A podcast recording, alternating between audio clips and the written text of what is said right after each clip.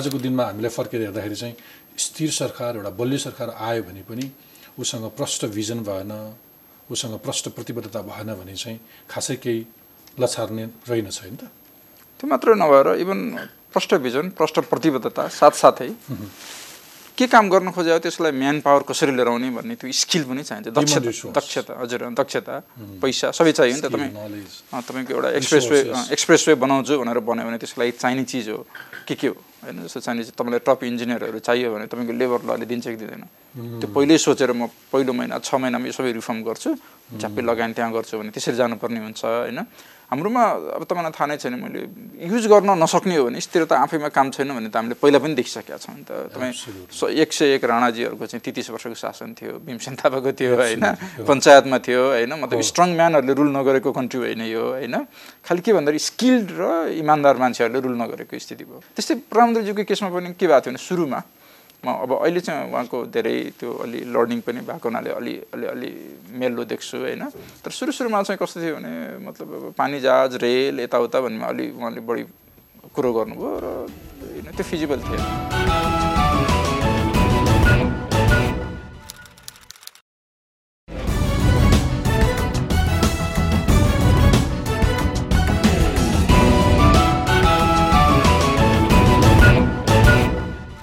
हामी इन्डिया र नेपाल हामी स्वतन्त्र देश हौँ नि होइन अन्तिममा गएर यो स्वतन्त्रताको मूल्य हामीले चुकाउन चाहिँ कति चुकाउने भन्ने कुरो हुन्छ कि। त्यही बोर्डरको यतापट्टिको साढे दुई सय पर्सेन्ट उतापट्टि नलाग्ने छ होइन। त्यही गाडी उतापट्टि पच्चिस लाख पर्ने यहाँ यहाँ मैले मोटरसाइकल चढ्ने पैसाले त्यहाँ म गाडी चढ्न सक्छु इन्डियामा। अनि तर यो त हामीले के कस्ट तिर्या हो भन्दाखेरि यो त हाम्रो स्वतन्त्रताको कस्ट तिर्या हो एक अर्थमा। सरकारले के भने पाँच वर्षसम्म यो हुनसक्छ ठिक छ। दस वर्षसम्म यो हुनसक्छ तर इभेन्चुअली पनि कर छ लाउने तपाईँ लुगामा पनि कर छ eventually- मैले बोक्ने कलममा पनि कर छ कागजमा कर छ हरेक चिजमा अनि त सरकारसँग बाटो के हुनु पऱ्यो भने उनीहरूभन्दा त हामी बेटर हुनु पऱ्यो नि त। हामी किन स्वतन्त्र भएको भनेर त देखाउनु पऱ्यो नि त। स्वतन्त्र भनेको तपाईँको जबरजस्ती कर उठाएर नेताहरूले पैसा खान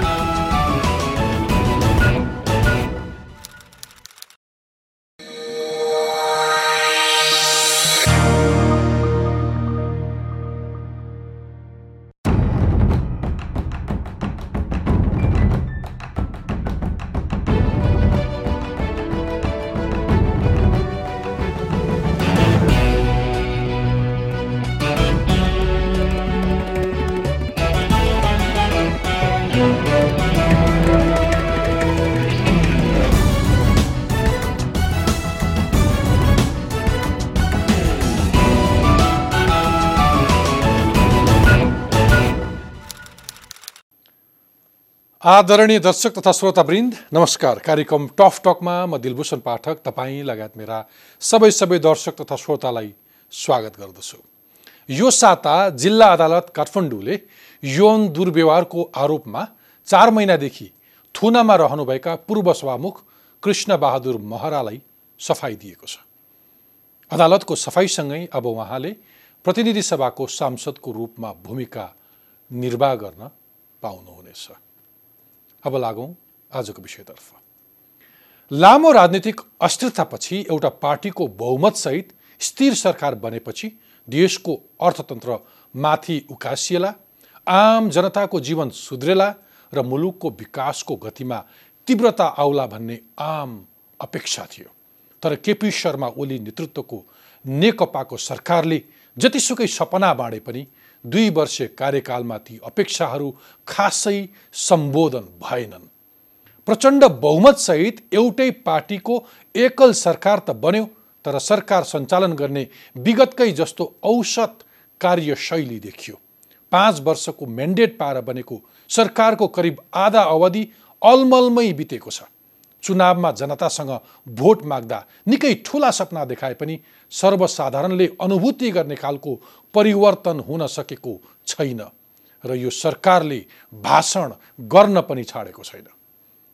अर्थतन्त्र उठाउने प्रतिबद्धतासहित आफैले जारी गरेको श्वेतपत्रमा उल्लेखित कुरा सुधार गर्न असफल भएपछि सरकार अहिले केही अन्तर्राष्ट्रिय परिसूचकहरू बढेको भन्दै प्रचार गरिरहेको छ। तर मुख्य कुरा विकास खर्च बढेको छैन। राष्ट्रिय गौरवका आयोजनाहरूको प्रगति सुस्त छ। विकास खर्चको शैली सुध्रेको छैन। विदेशी लगानी भित्राउन सकस परिरहेको छ।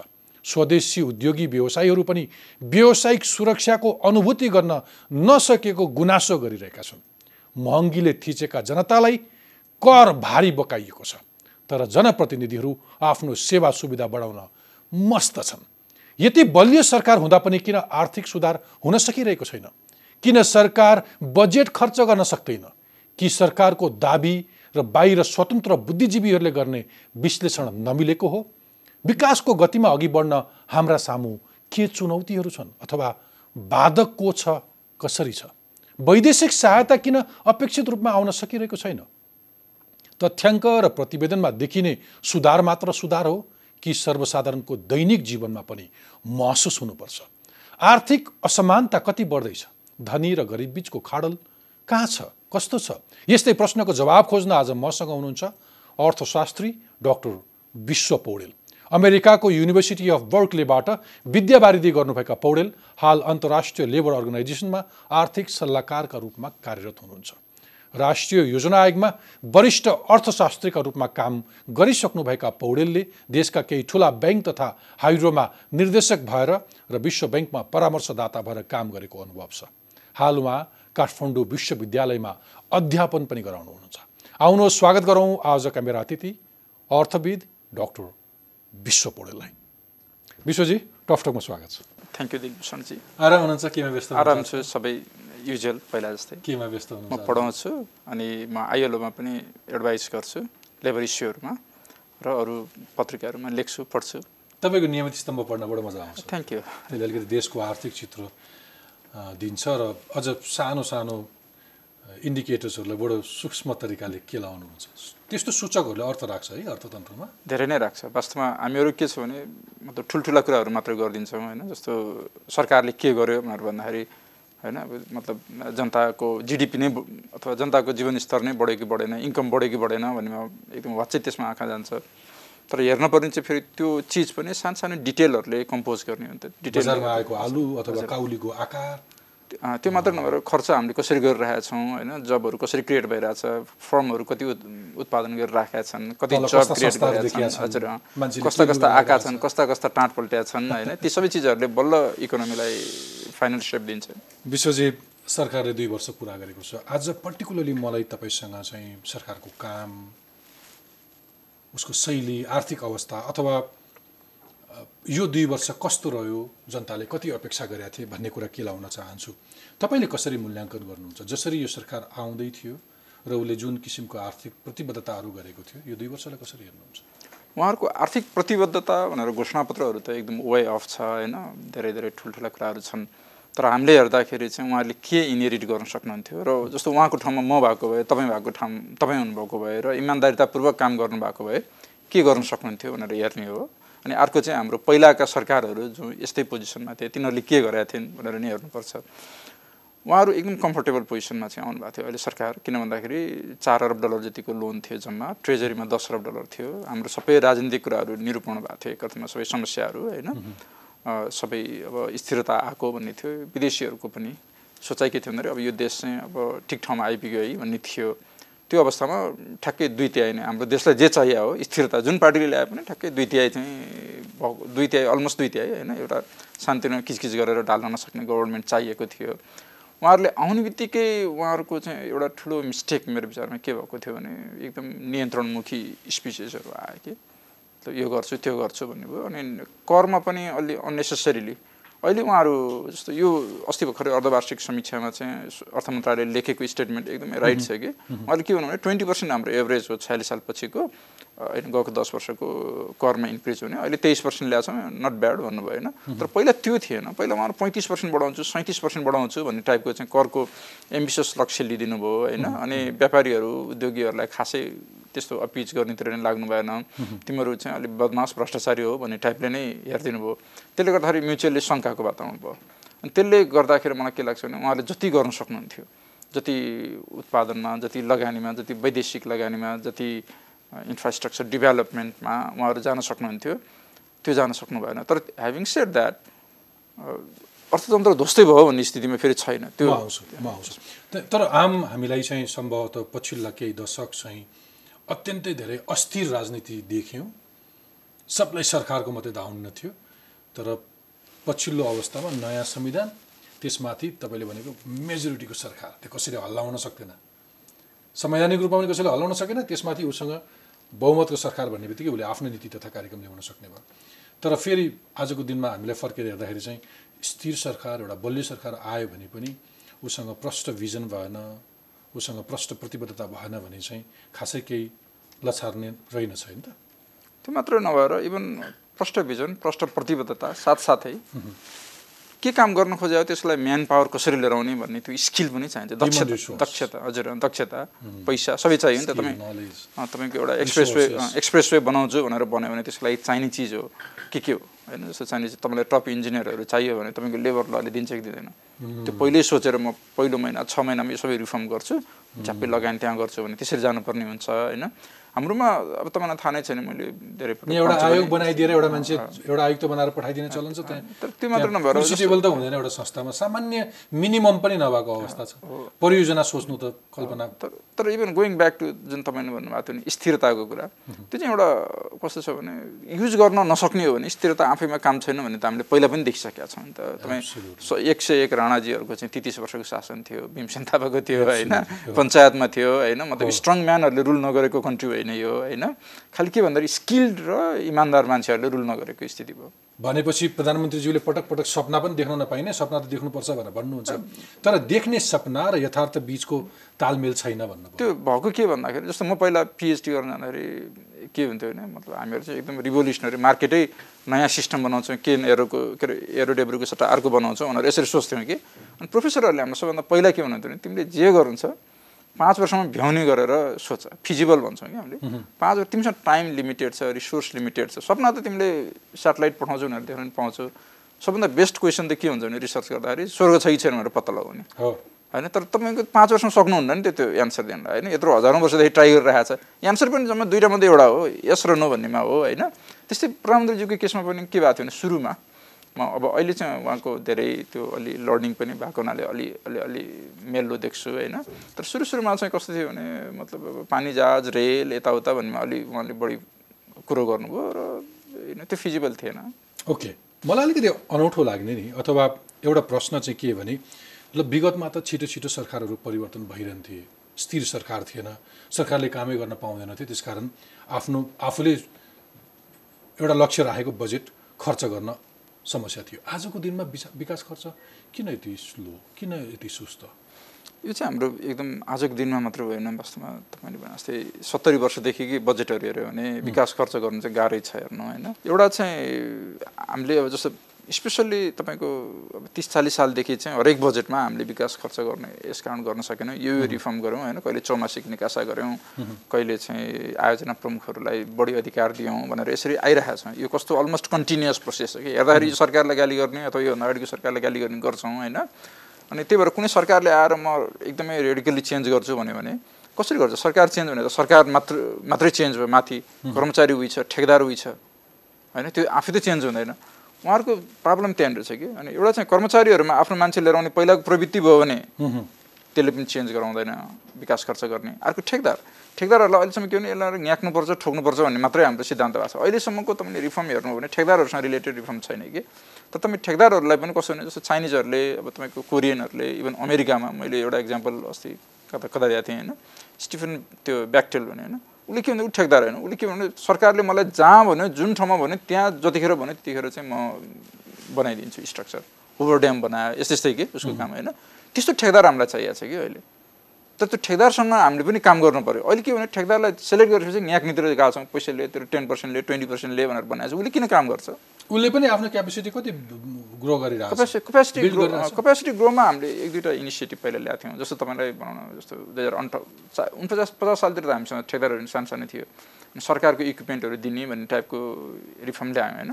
अन्ठाउन्न सालतिर हामीले के भन्यो भने यो कन्स्ट्रक्सन मेटेरियलहरू यिनीहरू तिमीहरू इम्पोर्ट गर्यो भने ट्यारिफहरू घटाइदिन्छौ भनेर भन्यो। त्यही भएर यत्रो जेसिबीहरू देखिया छ प्रब्लम के भइदियो भने अब उयो ठेकदारहरू नै पैसा कमाएपछि पोलिटिसियन हुने होइन अनि फन्ड लिएर हुने खाने गरेर गरिरहेको छ। तर प्रब्लम सबभन्दा ठुलो प्रब्लम चाहिँ माथिल्लो लेभलमा जुन चाइनिजहरूले नि फेस गरेको थियो अथवा कोरियनहरूले नि फेस गरेको थियो त्यो के भन्दाखेरि तपाईँले ठेकदारलाई काम कसरी गराउने? होइन? त्यसको लागि उसलाई जनशक्ति चाहियो। जनशक्ति उसले जहाँ भने त्यहाँबाट ल्याउन सक्ने हुनु- बनाउनु पऱ्यो उसले क्यास म्यानेजमेन्ट राम्रो नगर्नेलाई हामीले कारवाही गर्नु पऱ्यो तपाईँले जब आफ्नो घरभिटलाई ठेगार बनाएर राख्नुहुन्छ भने त्यसपछि समस्या हुन्छ। अथवा तपाईँको भाइलाई बहिनीलाई होइन? काकालाई बनाउनु भयो भने त तपाईँले टाइट गर्न सक्नुहुन्न नि त। त्यो चाहिँ समस्या भयो। त्यही त्यही त्यही भएरै गुहार्नु भएको प्रधानमन्त्रीले संसदमा सम्बोधनै गर्दा भन्नुभयो नि। यसपालि सहरी विकासमा अठार कम्पनीले चौवालिस पोइन्ट चार प्रतिशत रकम बराबरको ठेक्का ओगटेको छ। सडकमा अठार कम्पनीले सडचालिस प्रतिशतभन्दा बढी रकम ओगटेको छ। खानेपानीमा अठार कम्पनीले अर्को छैसठी प्रतिशत रकम ओगटेको छ भनेर भन्नुभयो। त्यो आफैमा खराब होइन। It's very amazing very nice data सूचक। उहाँले डेटा त दिनुभयो। होइन तर उहाँले त्यहाँ समस्या के भने जस्तो कोरियनहरूले पनि चेबल भनेर केही सीमित कम्पनीलाई प्रमोट गरे हो होइन। मेन कुरो थोरै कम्पनीले धेरै काम लिएकोमा मलाई वास्तवमा यो नराम्रो न्युज होइन आफैमा नराम्रो न्युज होइन। यदि त्यो लिनलाई उनीहरूले बदमासी गरेको छ होइन यो कन्सन्ट्रेसन चाहिँ मोनोपोलिस्टिक पावर युजहरू गरेर गरेको छ कम्पिटेटिभ वातावरणमा गरेको छैन भने चाहिँ त्यो डरलाग्दो कुरो भयो होइन। प्रधानमन्त्रीले नराम्रो भन्नुभएको छ भने केही कारण होला होइन अब त्यसमा म त्यसलाई धेरै डिटेल जान्न। तर डेलिभरी किन भएन भन्ने कुरो चाहिँ फेरि इस्यु नै छ। अरू कारणहरू के के हुनसक्छ विकास खर्च? यसमा म मैले देखेको चाहिँ पहिलो कुरो के भन्दाखेरि ठेकदारहरूसँग म्यान पावर छैन।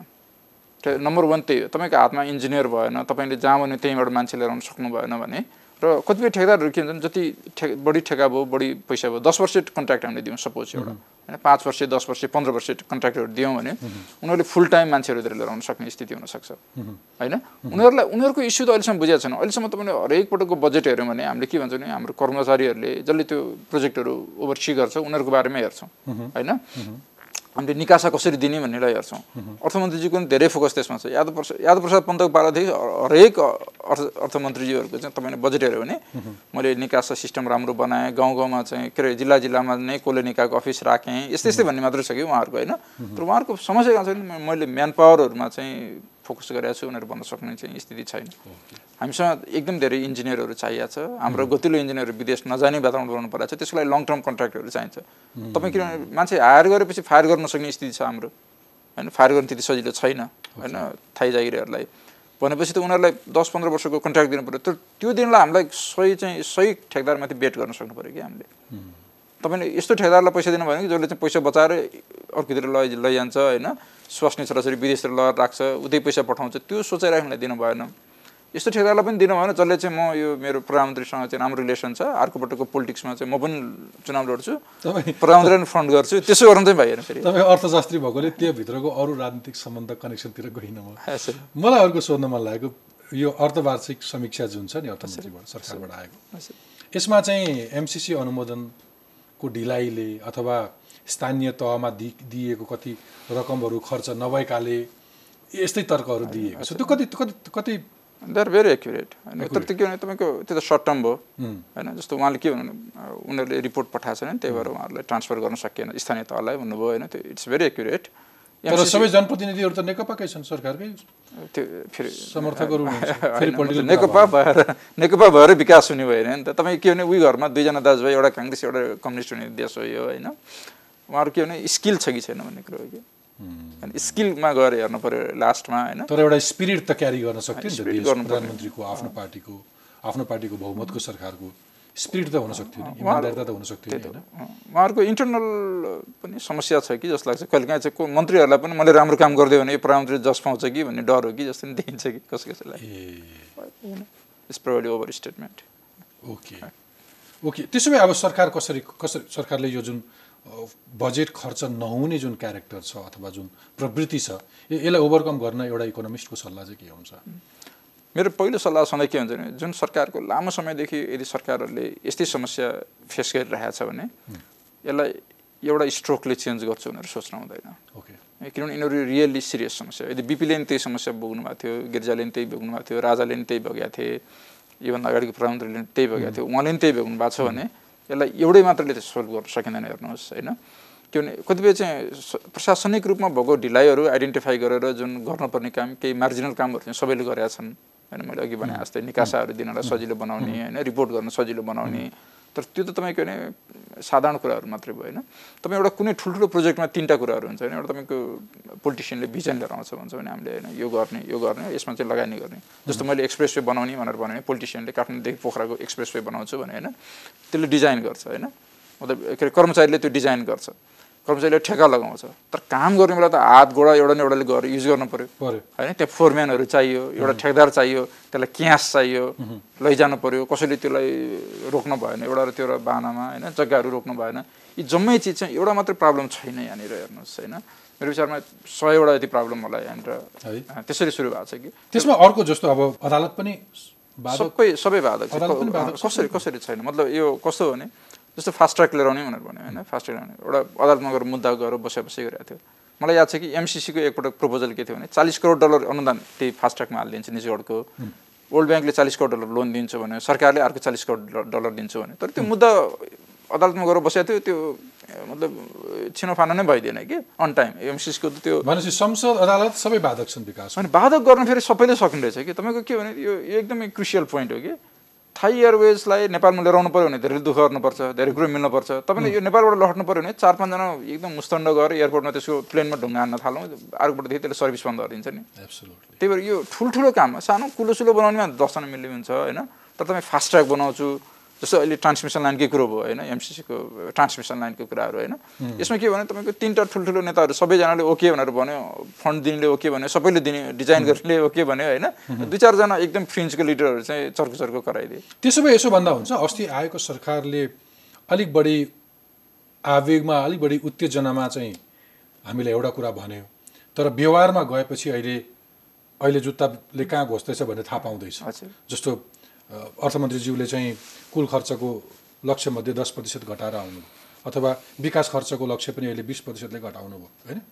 गत जेठमा जारी कुल बजेटको पन्ध्र अर्ब बत्तिस अर्बमा घटाएर अहिले तेह्र खर्बमा ल्याउनु भयो पन्ध्र खर्बबाट भनेपछि अब अहिले अलिकति चेत खोल्दैछ व्यवहारिक रूपमा। उहाँको त्यो चाहिँ के भने पहिला ओभर एम्बिसियस हुनुभयो होला होइन? अब एउटा उहाँप्रति अब नेगेटिभ नभइकन भन्दाखेरि ओभर एम्बिसियस मलाई के लाग्छ उहाँको सोचाइ उहाँले फेरि धेरै बुझ्नु भएको छ है। उहाँले किनभने योजना आयोगमा काम गर्नुभयो गभर्नर भएर काम गर्नुभयो त्यो देशै नबुझे मान्छे नै होइन होइन? तर उहाँलाई नै के थियो भने यो तिहाई भनेको के हो भन्ने उहाँको इन्टरप्रिटेसन फरक थियो जस्तो लाग्छ मलाई। उहाँले किन दुई तिहाई भएपछि मैले दौडी भनेपछि मान्छे दौडिन्छन् होइन? वन मन्त्रीले तुरुन्त हेल्प गर्ला भन्ने होला अथवा होइन तपाईँको ब्युरोक्रेसीहरूले चाहिँ ल यो काम गर केटा हो भनेपछि तुरुन्त गर्लान् करतिर भनेपछि कर कर तुरुन्त तिरिएला भने त्यसरी सोच्नु भए नि हुनसक्छ होइन?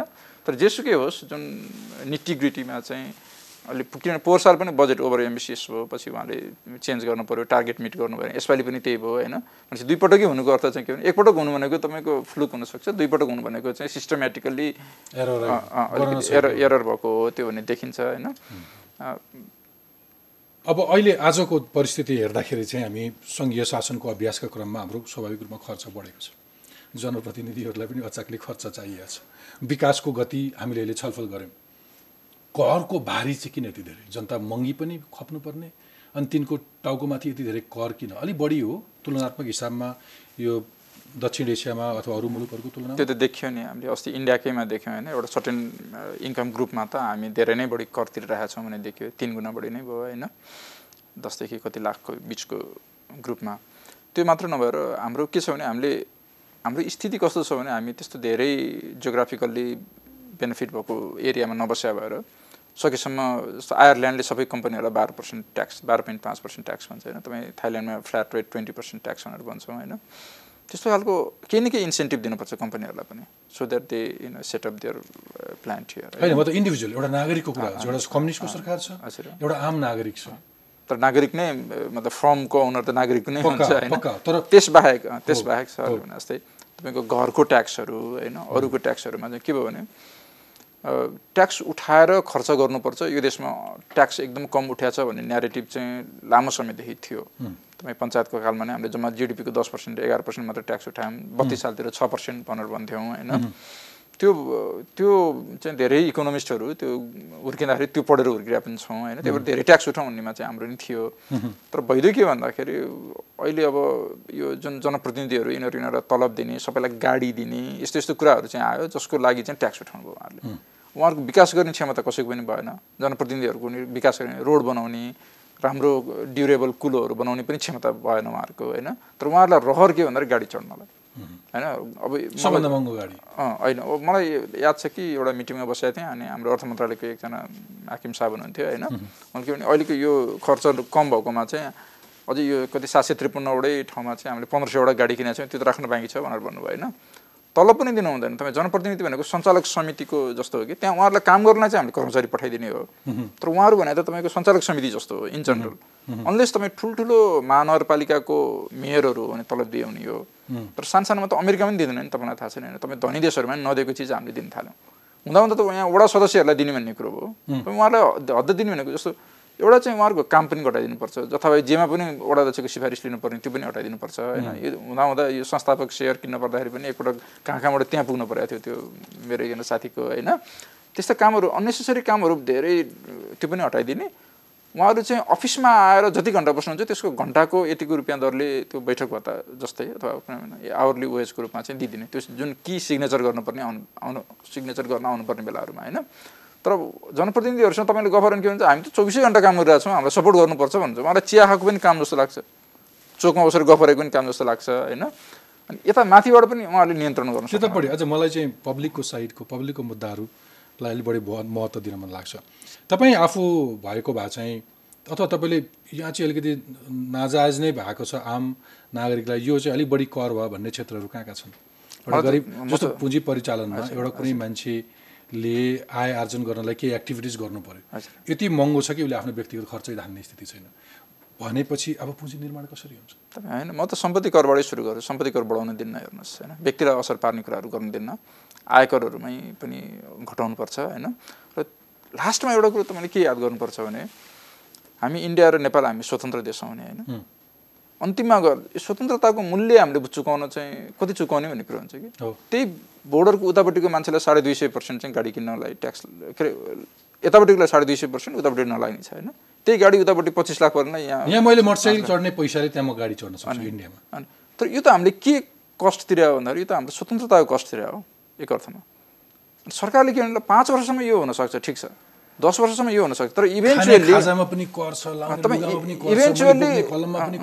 कागजमा हरेक चिजमा अनि कर छ। इभेन्चुअली त सरकारसँग बाटो के हुनु पऱ्यो भने उनीहरूभन्दा त हामी बेटर हुनु पऱ्यो नि त। हामी किन स्वतन्त्र भएको भनेर त देखाउनु पऱ्यो नि त।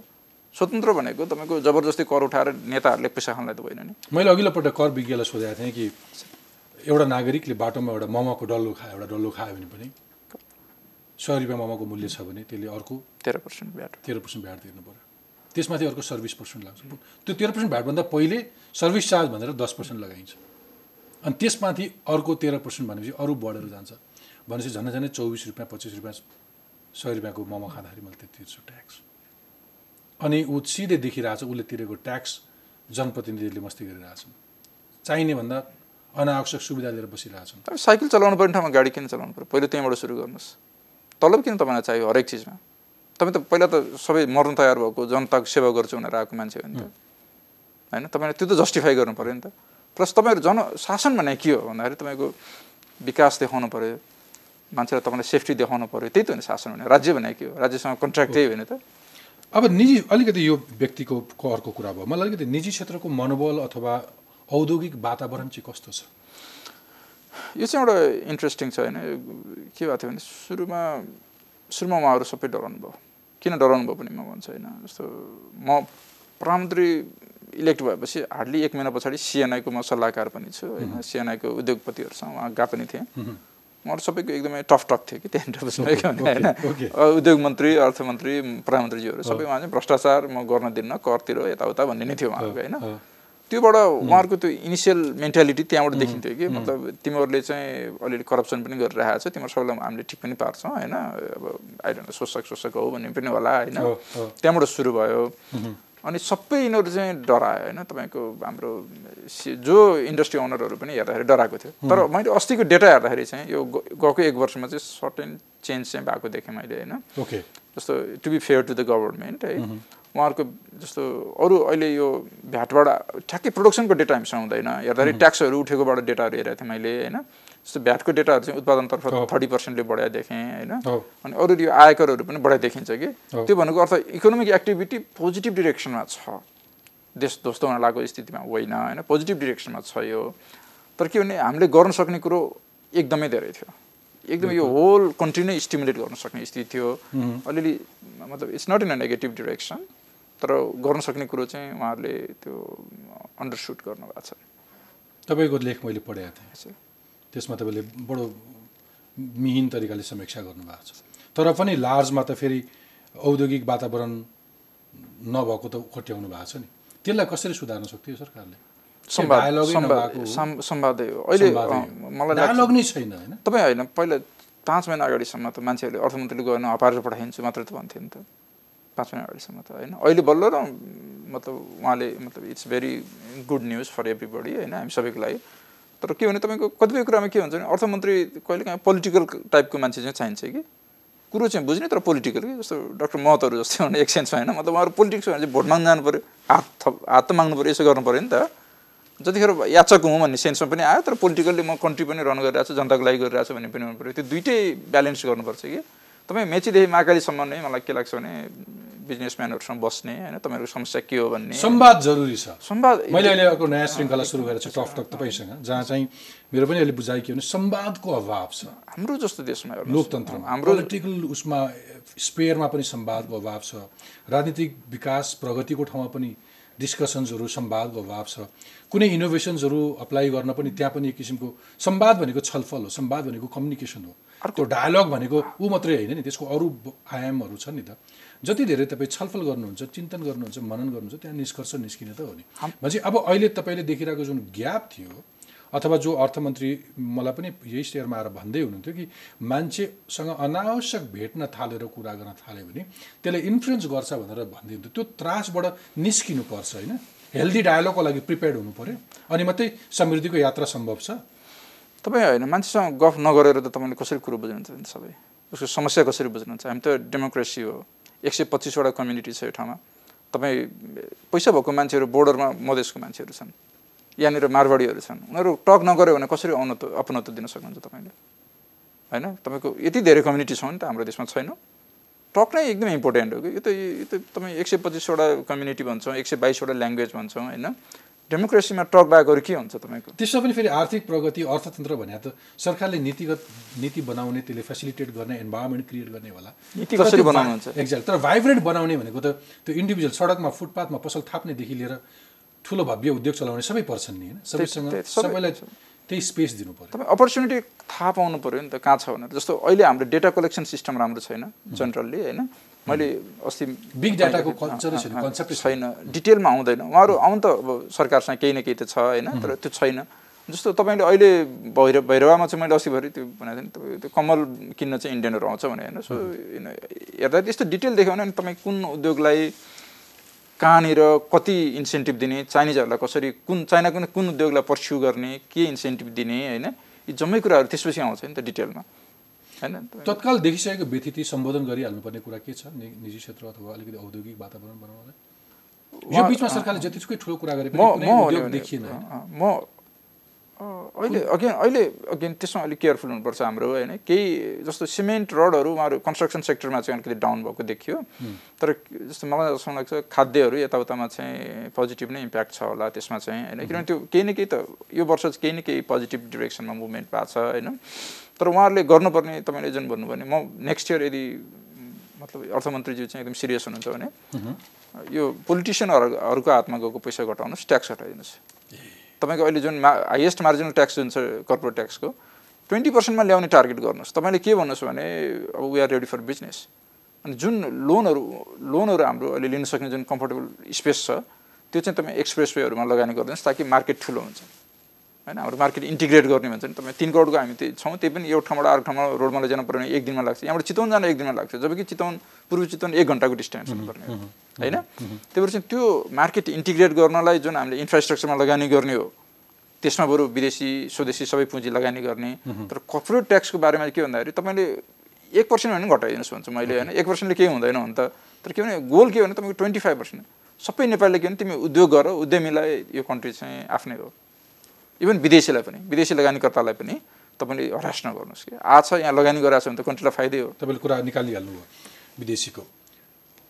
वैदेशिक लगानीको कुरामा हामीले अलिक बढी हल्ला गऱ्यौँ यति ठुलो समिटहरू गऱ्यौँ। अब धुमधाम देशले गति लिइहाल्छ ठुलो मूल्य आउँदैछ भने जस्तो भयो रकम आउँदैछ भने जस्तो भयो लगानी बढ्दैछ भने जस्तो भयो। तर त्यो पनि हातिया हातिया फुसा के के भएन उहाँहरूको हातिया हातिया फुस्सा जस्तो किन भएको छ भने सानो दुईवटा दुई तिनवटा कुराहरूमा अड्किएको छ कि कुराहरू हेर्नुहोस् होइन। विदेशीहरूले उनीहरूले एकदम क्लियरली यो यो हामीलाई गरिदिनुहोस् भनेर भनेको छ। त्यो भयो भने हामीले आफ्नो ठाउँबाट मान्छे बोलाउन सक्छौँ भन्ने सेन्समा छ होइन? त्यो मध्ये एउटा के भन्दाखेरि विदेशीले यहाँनिर कामदार लिएर आउन एकदमै गाह्रो छ। जस्तो तपाईँ म अलिअलि आइटममा नि छु होइन? मैले अफगानिस्तानमा इन्भेस्ट गर्नु पऱ्यो मलाई दिलभूषणजी तपाईँ इन्जिनियर हो मलाई एकदम ट्रस्टेड मेरो साथी हो भने तपाईँभन्दा टाटो अफगानी भयो भने पहिलो त म आफ्नै इन्जिनियर लैजान चाहन्छु नि त। मेरो पैसा म रिस्की ठाउँमा त्यतिकै लैजान्न। हामीलाई पो हाम्रो देश शान्त भइसक्यो भन्छौँ। त्यो त इमिडिएटली त्यो म्यासेज बाहिर गएको छैन नि त। बाहिर त हामी अझै पनि अस्थिरता उन्मुख अथवा अस्थिरतातिर भइरहेको कन्ट्रीको रूपमा छौँ। यहाँ मान्छेले पैसा त्यसै फाल्दैन कि उसलाई आफ्नो ट्रस्टेड मान्छेहरू चाहिन्छ। अनि अर्को कुरो के भन्दा तपाईँको बर्मामा के छ रेगुलेसन क्याम्बोडियामा के छ अरू हाम्रो छिमेकीको रे रेगुलेसन पनि हेरौँ। यहाँनिर अटोमेटिक अप्रुभल दिने छिमेकीहरू छन् इन्भेस्टमेन्टमा हामीले त्यो पनि दिएको छैनौँ। तपाईँ जस्तो चाहिने भन्दा बढी एकदमै कसी कसो छ तपाईँको लेबर पर्मिट दिँदैनौँ। एक वर्ष तिन वर्षको दिन्छौँ जम्मा। तपाईँ तिन वर्ष आफ्नो छोराछोरी छोडेर अमेरिकाबाट यहाँ आउनु पऱ्यो भने जस्तो क्लाउड फ्याक्ट्रीहरूको इस्यु त्यही भयो कि? सफ्टवेयर कम्पनीहरू आउन चाहन्छ। तर कसो भने तपाईँ तिन वर्षको लागि त्यहाँबाट यता आयो नेपाली ल्याङ्ग्वेज सिकेको फर्केर गएर तपाईँले के गर्ने? छोराछोरीलाई तपाईँ हाम्रै काठमाडौँ भने तपाईँ बाहिर जानुभयो भने फर्केर आयो भने स्कुल पाउनु कति गाह्रो छ? होइन उनीहरू ल्याइसकेपछि के भन्दाखेरि उनीहरूलाई यो एकदम टेम्पोररी हो भन्यो भने उनीहरूले रड्डी मान्छे मात्रै पाउँछन्। त्यसले गर्दाखेरि क्लाउड फ्याक्ट्रीहरू केही पनि दस हजार मान्छेलाई जब दिन्छु भनेको हार्डली दुई तिन हजार दियो उनीहरूले केन्यामा खोल्यो अर्को होइन? यस्तो इस्यु सबैले लिएर आएको छ। हामीलाई भिजामा समस्या छ भनेर।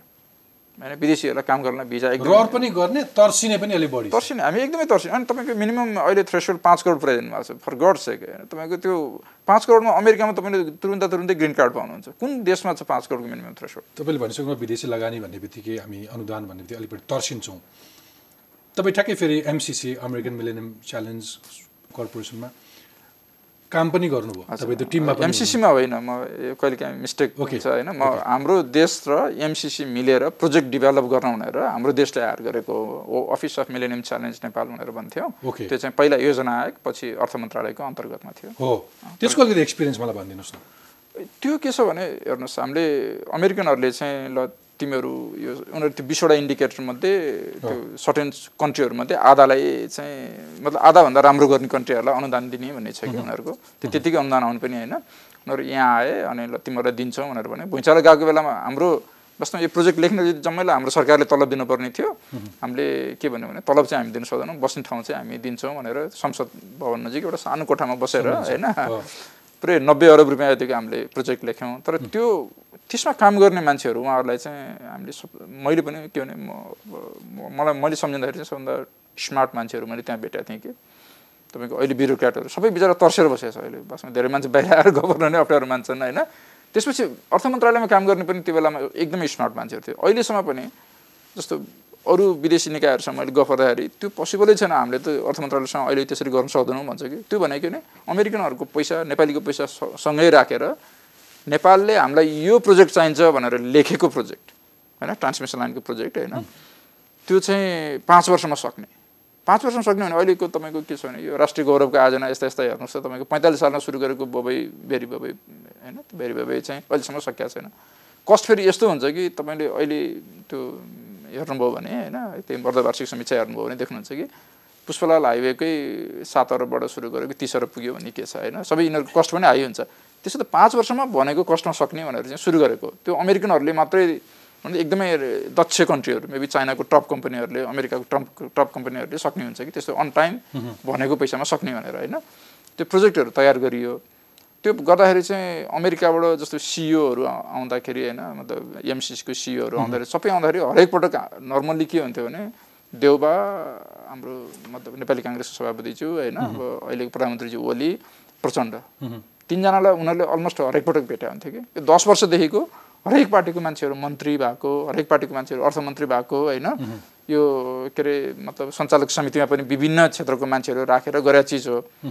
यो अल अफ अ सडन चाहिँ के भन्दाखेरि एकदम फ्रिन्ज एलिमेन्टहरूले चाहिँ फेरि यसलाई हाइज्याक गर्न खोज्यो अहिले यसमा केही पनि पोलिटिक्स सोलिटिक्स गर्न सकिन्छ कि भन्ने होला होइन? अनि त्यसमा चाहिँ यो अब यो अन्ट सन्ट कुरा अब अब तपाईँले बुझाइ के स्पष्ट कसले के गर्न खोजिरहेको छ किन अन्टसन्ट भइरहेछ? ए पोलिटिकल बेनिफिटको लागि हो। मलाई के लाग्छ एमसिसी मिलेनियम च्यालेन्ज कर्पोरेसन जे छ तपाईँको कर्पोरेसन जे छ यो चाहिँ प्योरली पोलिटिक्स अहिले अहिलेको विवाद पोलिटिक्स एमसिसी त होइन नि. एमसिसी त तपाईँ त्यो आइटम के अरे ट्रान्समिसन लाइन बनाइन्छ। सक्छ सकियो। अन्त बनाइसक्यो ऊ फर्केर जान्छ सकियो। ऊ आउने नै होइन। अमेरिकन सेना पनि आउने होइन। ठेकदारहरू आउने हो। ठेकदार कसले जित्छ भने पनि थाहा छैन एक अर्थमा तपाईँले भनिदिनुहुन्छ कि यहाँका विज्ञ सबैभन्दा राम्रा टेक्नोक्रेटहरू बसेर। त्यसमा एकदम एकदम। तपाईँ अर्थ मन्त्रालय आफैले बनाइएको ड्राफ्ट गरेको आफैले बनाएको तपाईँको। इभन अर्थ मन्त्रालयबाट जुन नेगोसिएसन भएको छ त्यो बेस्ट जो जो छन् अहिलेसम्म सबभन्दा बेस्ट भनेको मान्छेहरू हो। तपाईँको जसले प्रोजेक्ट बनाए तिनीहरू पनि एकदमै सार्प हामीले त कहिले काहीँ गफरदार इन्साइक्लोपिडिया हुन्थ्यौँ। अहिले पनि तपाईँले प्रोग्राममा बोलाउनु भने they pretty much know everything होइन? अब त्यसमा काम गरेको मान्छेहरू होइन?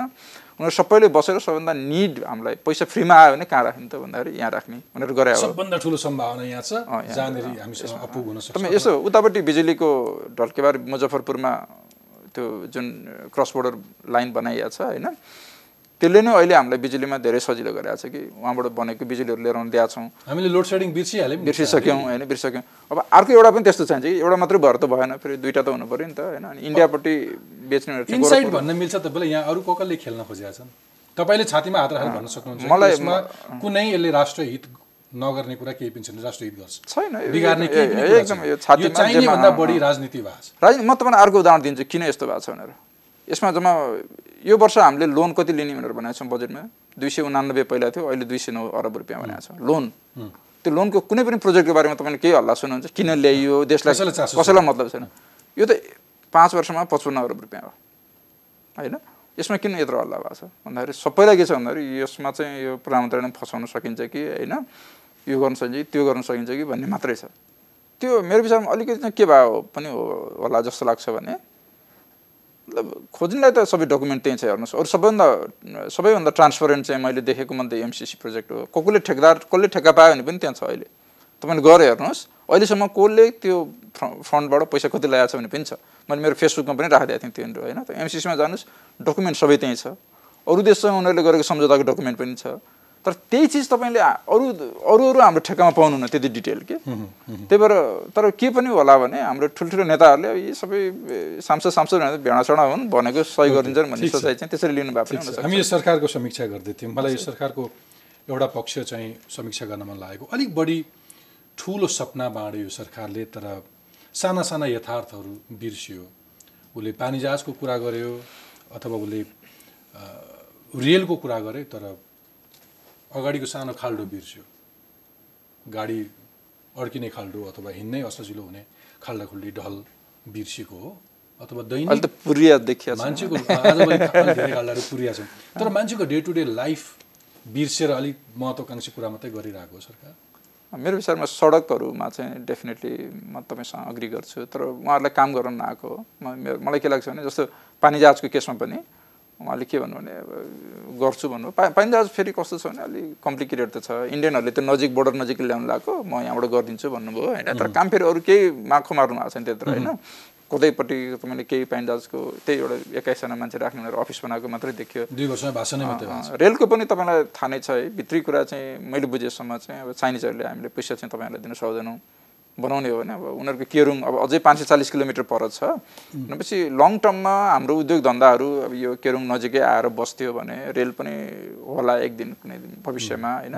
तर उहाँहरूको त पाँच वर्ष हो एक दुई वर्षमै मान्छेले रिजल्ट खोज्छन् होइन? त्यो बेलामा चाहिँ सबभन्दा फिजिबल अहिले हाम्रो भनेको एक्सप्रेस वेहरू बनाउने होइन? देशलाई जोड्ने जनतालाई जोड्ने होइन? अब हामीले धेरै दुःख पाएको छ होइन? त्यतातिर जानुपर्ने थियो रोडहरूमा अनि खानेपानीहरूको पनि मेलम्ची सबै मुखमा आइसकेको थियो होइन? सिँचाइ पनि एकदम इम्पोर्टेन्ट छ कि? जस्तो मैले अस्ति आर्टिकलमा पनि लेखेको थिएँ होइन? धानको चाहिँ पोहोर सालको ग्रोथ रेट र अहिले ग्रोथ रेट एकदम फ्लक्चुएट भयो होइन? पोहोर नाइन पर्सेन्टको भयो अहिले एकदमै कम भयो होइन? यो फेरि अहिले मात्र भएको छैन। तपाईँ चालिस सालतिर हेऱ्यो भने एउटा वर्ष चालिस पर्सेन्टले ग्रोथ भएको छ अर्को वर्ष एकदमै कम छ। किनभने सबै मौसममा आधारित छौँ। यसो भने देश राम्रोसँग चल्दैन कि? तपाईँको अलिक स्टेबल खालको ग्रोथ रेटहरू हुनुपर्छ होइन? तपाईँ यो सिँचाइको चारवटा प्रोजेक्ट हेर्नुहोस् राष्ट्रिय गौरवमा पुऱ्याएको छ कहिले सकिँदैन। होइन? अब एयरपोर्टहरू त निजगढ पनि एउटा इम्पोर्टेन्ट छ। बुढी गण्डकीमा अना- अनावश्यक हामीले विवाद गऱ्यौँ। यो पनि बनाउनु पर्ने छ होइन? यी सबै चिजहरू सरकारको लागि एकदम ह्यान्डफुल छ कि? थियो पनि होइन? मेजर प्रोजेक्टहरूमा। त्यसबाहेक डे टु डे बिजनेस हो यिनीहरू जुन तपाईँ खाल्डा खुल्डी पुर्ने होइन? अब उहाँहरू ठुलो सात सय एघार सय कति एघार सय किलोवाटको चाहिँ बिजुलीको कुरा गर्नुभयो के अरे के अरे सरी ट्रान्समिसन लाइनको कुरा गर्नुभयो होइन? केबीको एघार सय केबीको। अनि अब अहिले आएर चाहिँ त्यो तारसार यसो त्यो तल चाहिँ भूमिगत रूपमा गर्न पाए हुन्थ्यो भन्नेमा पुग्यो होइन? त्यो अनफर्चुनेटली होइन? त्यो उहाँहरूलाई ठ्याक्कै पाँच वर्षमा के गर्न सकिन्छ हाम्रो देशमा कस्तो खालको म्यान पावर छ भन्ने खास आइडिया पनि थिएन। अब एकजना नेताले त वर्षको तिन अरब डलर चाहिँ फरेन लगानी लिएर आउँछु भनेर किताबै लेख्नु भएको थियो होइन? जबकि अब पाँच करोड डलर लिएर आउन सकेको बेलामा कसरी लिएर आउँछु भन्ने छैन। तपाईँ तपाईँ देश विदेशको तथ्याङ्कहरू के लाउनुहुन्छ एउटा इकोनोमिस्ट अमेरिकाको युनिभर्सिटी अफ क्यालिफोर्निया बर्कलेमा पिएचडी गर्नुभयो। तपाईँले त्यहाँ कृषि र रिसोर्सेसको बारेमा। थियो। अझै अझै केलाउन खोज्दाखेरि चाहिँ हाम्रो नेतृत्वको भिजन अथवा कार्यशैली के कुराहरूमै खोट देख्नुहुन्छ अथवा अथवा त्यो त्यो अरू विदेशमा भएका प्रगतिहरू त्यहाँका नेतृत्वहरूको तुलनामा हामी कहाँ छौँ? मलाई के लाग्छ भने सबभन्दा नम्बर वान समस्या के छ उहाँहरू सबै वारियर हो। वारियर योद्धा हो कि? पञ्चायतसँग लड्नुभयो ज्यालखाना जाने। अहिले पनि अधिनायकवाद भन्यो भने उहाँहरू एकदम जोसिन हुन्छ होइन? तपाईँ काङ्ग्रेसको पनि एकदमै अधिनायकवाद आउँछ होइन? उहाँहरू वारियर हो। वारियरबाट सत्तामा पुगिसकेपछि त्यो फेज चेन्ज हुनु पऱ्यो। सधैँ लडाइँ गर्ने त हुँदैन। त्यसपछि फेरि क्रिएटिभ हुनु पऱ्यो। चाइनामै समस्या त्यही भयो त। हाम्रो हिस्ट्रीमा रिफ्लेक्ट गर्नुभयो भने त्यस्तो कुनै पोजिटिभ कुनै इन्डिकेटर्सहरू अघिल्लो बिपी कोइरालाको पालादेखि आजसम्म आइपुग्दाखेरि पछि गिरिजाप्रसाद कोइरालादेखि लिएर आजसम्मको समयमा आउँदाखेरि कुनै कसैले यसो केही राम्रा गरेका कुराहरू सम्झिनुहुन्छ अथवा होइन बिपीको बिपीको चाहिँ म एकदम इम्प्रेस्ड किन छु भने उहाँको थोरै टाइम थियो। तर आउने बित्तिकै तिनवटा मेजर काम गर्नु भने एउटा चाहिँ हाम्रो सामन्तवाद जुन थियो नि सबै वीरता लिएर बस्ने वीरता उन्मूलन डाङ्गे ल्याइदिनु। उहाँ जेठमा चाहिँ प्रधानमन्त्री हुनुभएको थियो। तपाईँको सबै वीरतावालाहरू पावरफुल त्यो बेलामा होइन? तपाईँ त राजै माथि थियो जेठमा प्रधानमन्त्री भएको मान्छे तिन महिनामा वीरता उन्मूलन ऐन पास गर्नुभयो। त्यो पनि महासभामा चाहिँ उहाँहरूको एब्सोल्युट मेजोरिटी थिएन नि त त्यो बिसजना चाहिँ महेन्द्रले उ गर्ने होइन। तपाईँ तुरुन्तै त्यो भनेको त्यो प्यासन हो नि त तपाईँको आफ्नै पार्टीमा नि एउटा सबै छ एउटा इकोनोमिस्टलाई मन परेको एउटा एउटा एउटा एउटा निर्णय यस्तो निर्णयहरूले देश तपाईँ अर्को तपाईँ के थियो भने त्यो बेला नेपालमा इन्डियन पैसाहरू एकदमै चल्थ्यो होइन। बजेटै तपाईँ आइसी र एनसी भनेर लिएर आउँथ्यो कि। उहाँले सत्र साल वैशाख के गर्नुभयो भने तपाईँ जति चाहियो ने इन्डियन आइसी के अरे नेपाली लिएर नेपाली पैसा लिएर आउनुहोस् इन्डियन तपाईँ लैजान सक्नुहुन्छ। त्यो आइसी रिप्लेस गर्ने चाहिँ इमिडिएटली सुरु भइहाल्यो होइन।